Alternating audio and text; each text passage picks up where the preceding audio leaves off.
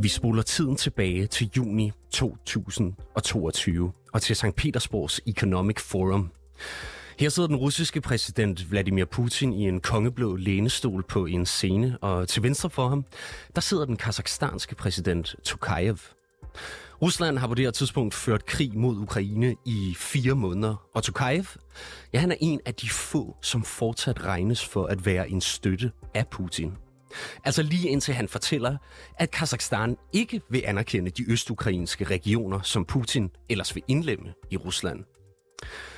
Det ville føre til kaos, hvis alle selvbestemte områder bliver erklæret uafhængige, fortæller Tokayev pludselig. Og derfor vil vi ikke anerkende territorierne Luhansk og Donetsk. Ни Южная Осетия, ни Абхазия и является Луганск и Донецк. men noget tyder på, at den her scene ikke viser det fulde billede af forholdet mellem de to lande. Du lytter til konfliktzonen, hvor vi i dag ser nærmere på det centralasiatiske land, Kazakhstan, der nu kritiseres for at hjælpe Rusland med at omgå vestens sanktioner, blandt andet på russisk olie, som er en kæmpe eksportvare. Mit navn er Mads Vesterager. Velkommen til konfliktzonen.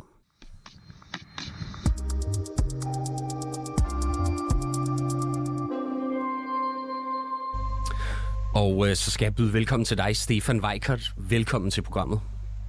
Mange tak skal du have. Ja, du er med fra den ukrainske hovedstad Kiev, hvor du er øh, journalist. Og du er dykket ned i en kritik, der er kommet mod Kazakhstan, som blandt andet fremgår i en rapport fra NGO'en The Open Dialogue Foundation. Hvad er det konkret, Kazakhstan beskyldes for at gøre her? Jamen, de beskyldes for på den ene side at sige, at de øh, holder afstand til Rusland, som du var inde på, og, og ligesom støtter øh, vestens sanktioner mod Rusland.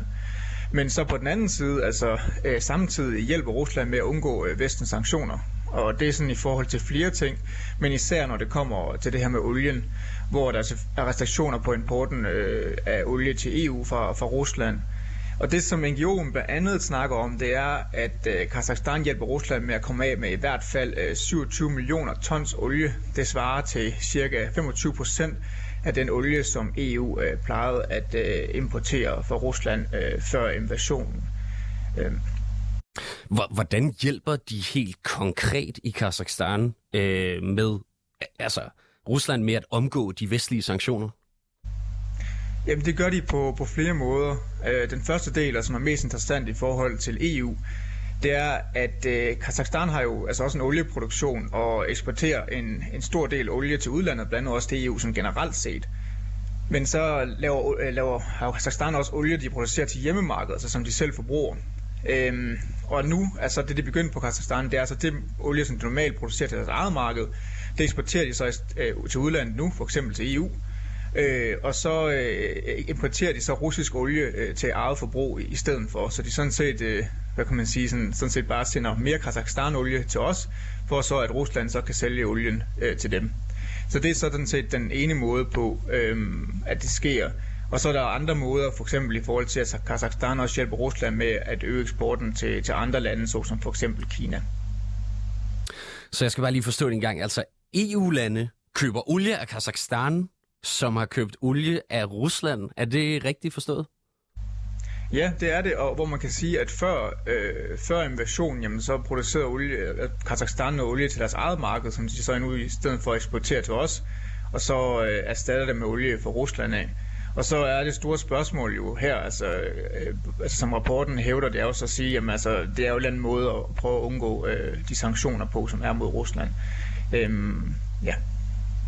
Altså er lande som Tyskland derved med til at øh, oprette den russiske økonomi, når man køber olie for eksempel fra Kazakhstan? Det er lige præcis det, som kritikken går på. Fordi det store spørgsmål, også som rapporten øh, det kan man sige, stiller her, det er, hvad er reelt forskellen her?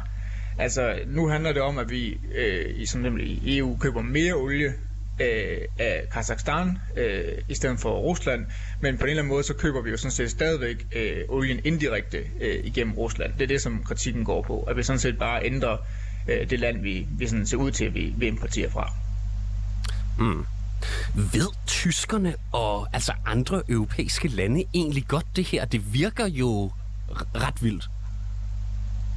Altså, det er svært at sige præcis, hvilke lande, der ved hvad, men øh, altså, der er i hvert fald flere politikere i EU, som, som for eksempel, øh, jeg kan sige, Letlands premierminister for eksempel har advaret om, at øh, Kazakhstan øh, hjælper Rusland med at undgå EU-sanktioner sådan generelt set. Så, så man kan sige, det er i hvert fald ikke noget, der sådan er fuldstændig i skjult. Altså, der bliver snakket omkring øh, Kazakhstans rolle i forhold til at hjælpe Rusland med at, at fortsætte med at eksportere og importere ting og også den måde de ligesom sørger for, at øh, Kazakhstan spiller en rolle i forhold til at øh, fylde Ruslands statskasse op.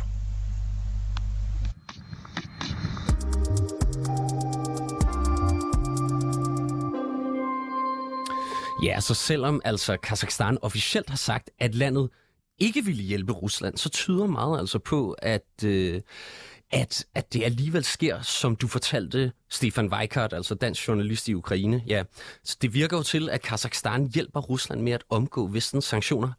Men hvorfor er det egentlig, at Kazakhstan hjælper Rusland på det her punkt?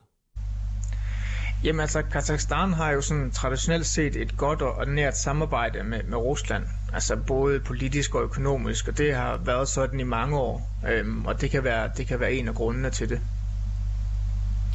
Hvordan ser man så konkret, at Putin øh, støtter, støtter styret i Kazakhstan, altså den anden vej rundt?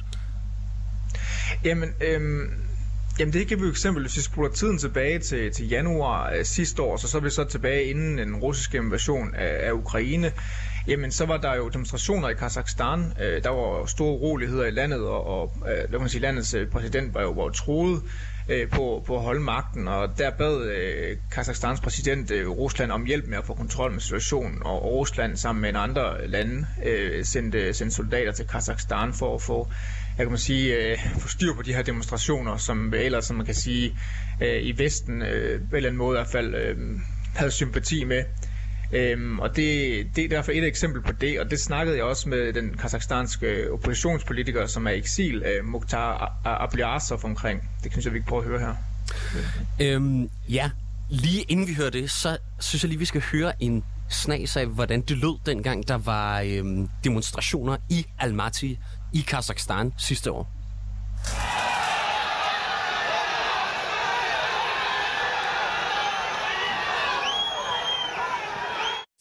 her hører vi netop et klip fra protesterne i januar 2022, hvor demonstranter og kazakhstansk politi simpelthen støtte sammen på gaderne i øh, blandt andet øh, storbyen Almaty. Og jeg synes også lige, vi skal høre netop, hvordan Mukhtar Bliasso, som, øh, som du nævnte, Stefan Weikart, han beskriver pro- protesterne. Lad os prøve at høre.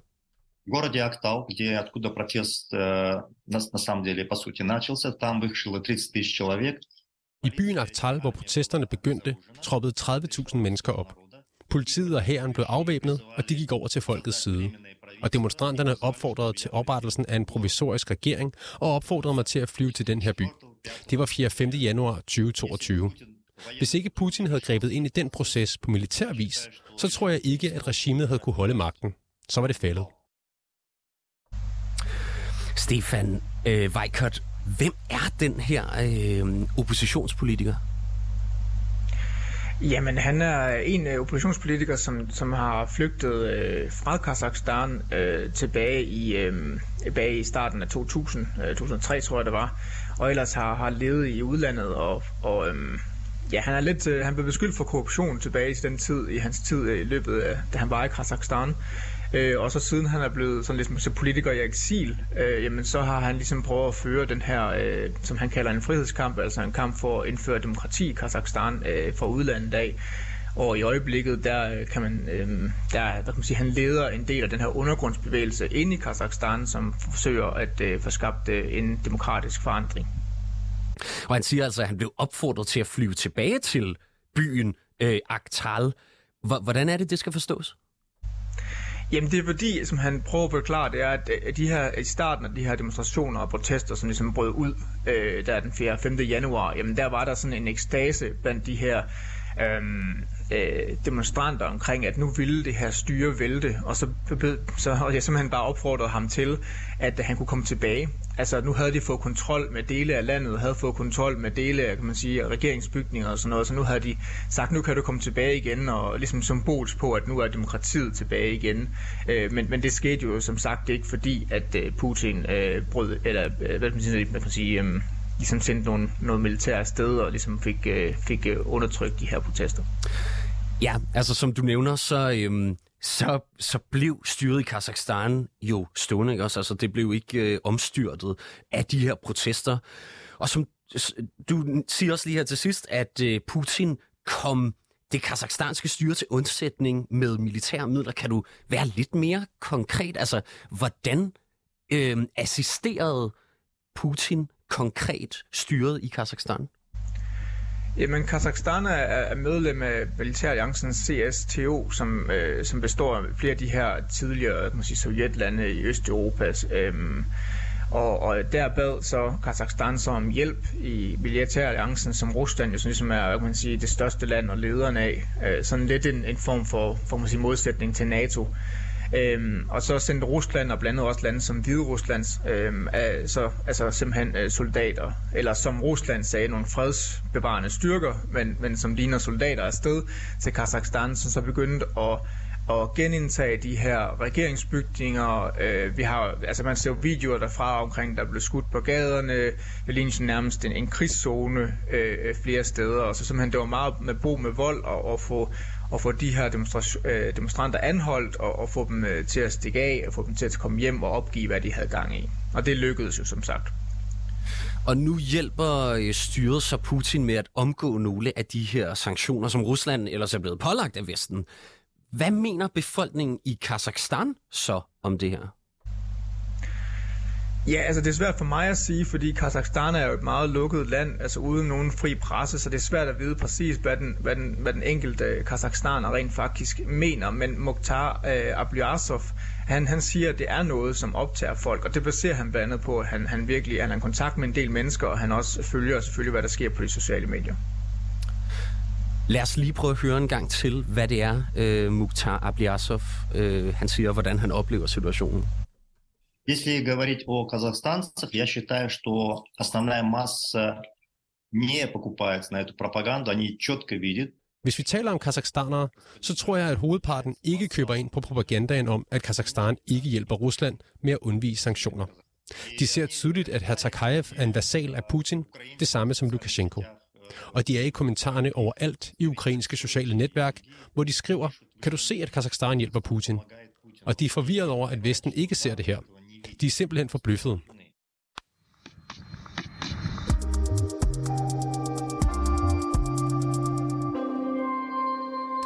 Ja, Mukhtar Ablyasov siger altså til dig, Stefan Weikert, at folk i Kazakhstan er forbløffet over, at Vesten ikke ser det her, og ligesom øh, ser situationen. Og måske også over, at Vesten ikke gør noget. Hvad mener de da egentlig, at man kan gøre i Vesten øh, omkring det her? Jamen, de mener grundlæggende, at øh, altså oppositionen mener her, at, at, at Vesten skal sørge for, at de her sanktioner, som der er indført imod Rusland, jo simpelthen overholdes. Altså at, at lande som Kazakhstan øh, simpelthen stoppes i forhold til at, at omgå, at hjælpe Rusland med at omgå øh, nogle af de her sanktioner, når det kommer til olie for eksempel, men også på nogle af de andre måder, som Kazakhstan hjælper Rusland på. Altså, de mener simpelthen det grundlæggende bare, at, at Vesten skal, skal måske altså bare sørge for, at, at Rusland overholder de her sanktioner, eller i hvert fald at de lande omkring den ikke hjælper dem med at omgå dem. Og så mener de jo også, at, øh, at Vesten skal udvide sanktionerne imod Rusland, øh, eller de sanktioner, der er mod Rusland, øh, også til andre lande, som hjælper Rusland. Det vil eksempel vil sige Kazakhstan. Altså at Vesten skal sige, jamen hvis Kazakhstan hjælper Rusland med at omgå de her sanktioner, jamen så skal vi også sætte sanktioner på Kazakhstan. Og da du spurgte Mukhtar Ablyasov om Kazakhstans frihed afhænger af, at Rusland taber i Ukraine, ja, så svarede han sådan her. Prøv at lytte med en gang. Да, мы так считаем, и более того, как раз и э, просим Запад Ja, det synes vi.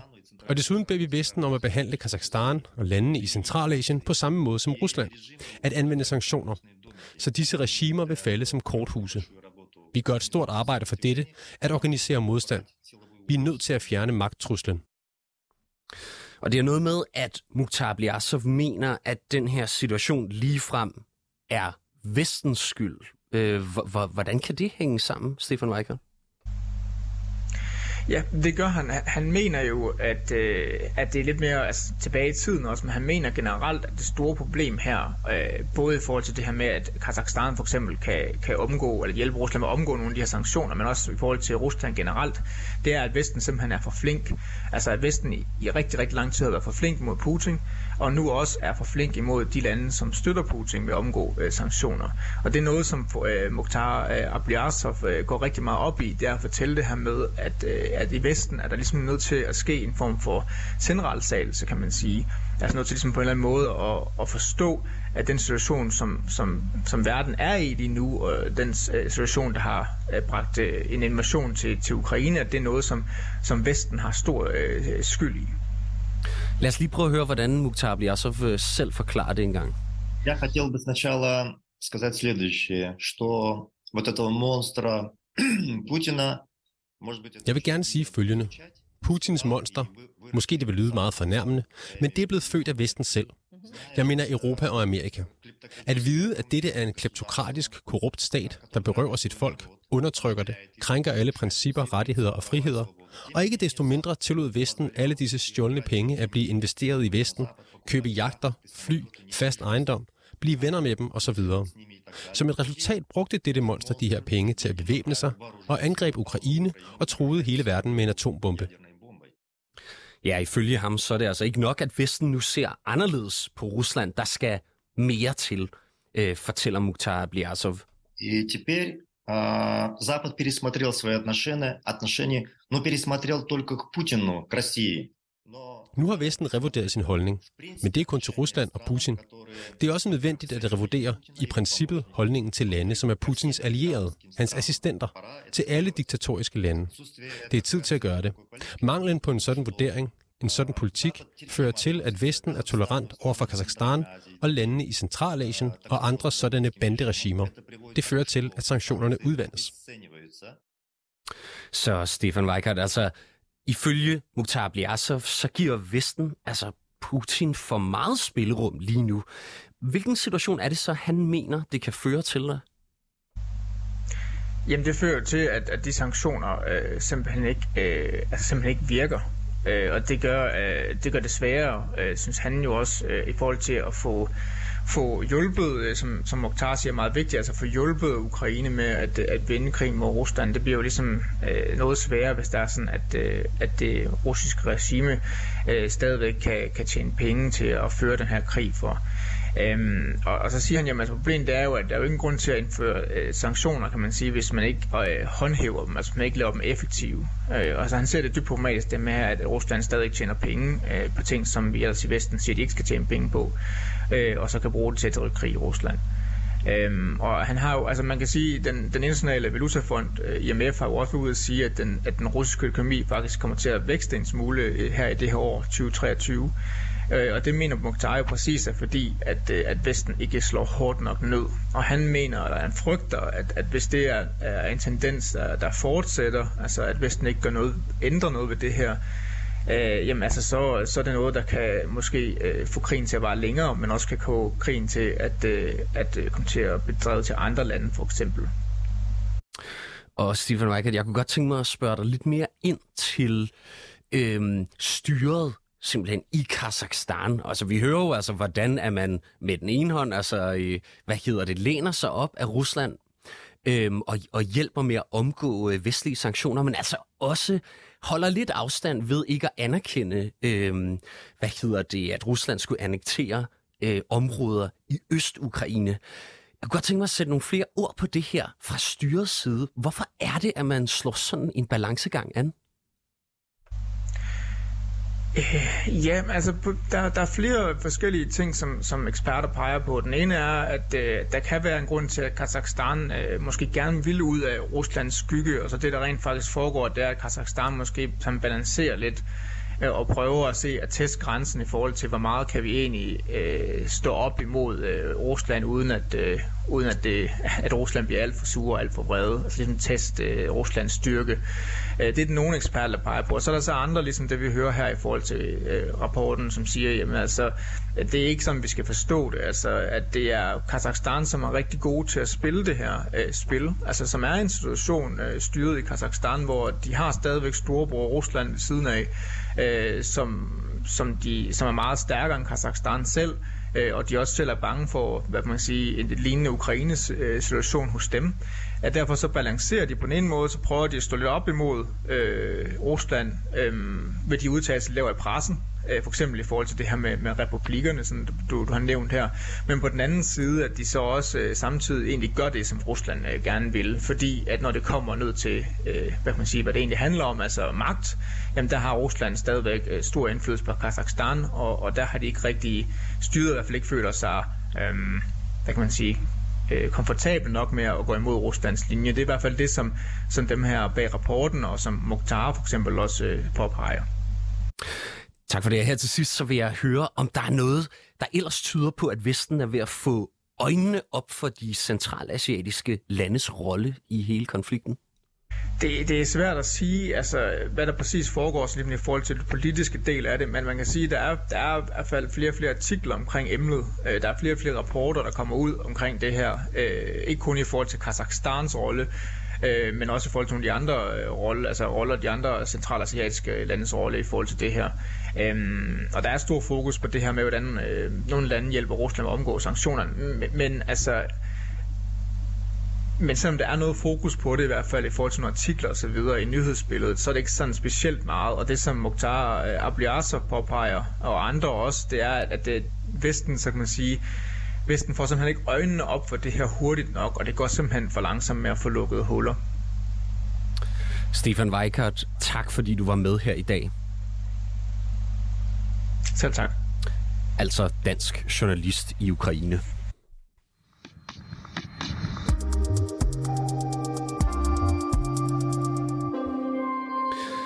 Har lyttet til øh, dagens afsnit af Konfliktzonen. Vi er 24-7's udenrigsmagasin. Mit navn det er som sagt Mads Vesterager, og holdet bag programmet det er Christine Randa og Sofie Ørts. Du kan lytte til programmet direkte mandag til torsdag fra 8 til 8.30, men du kan selvfølgelig også høre programmet som podcast. Tak for i dag.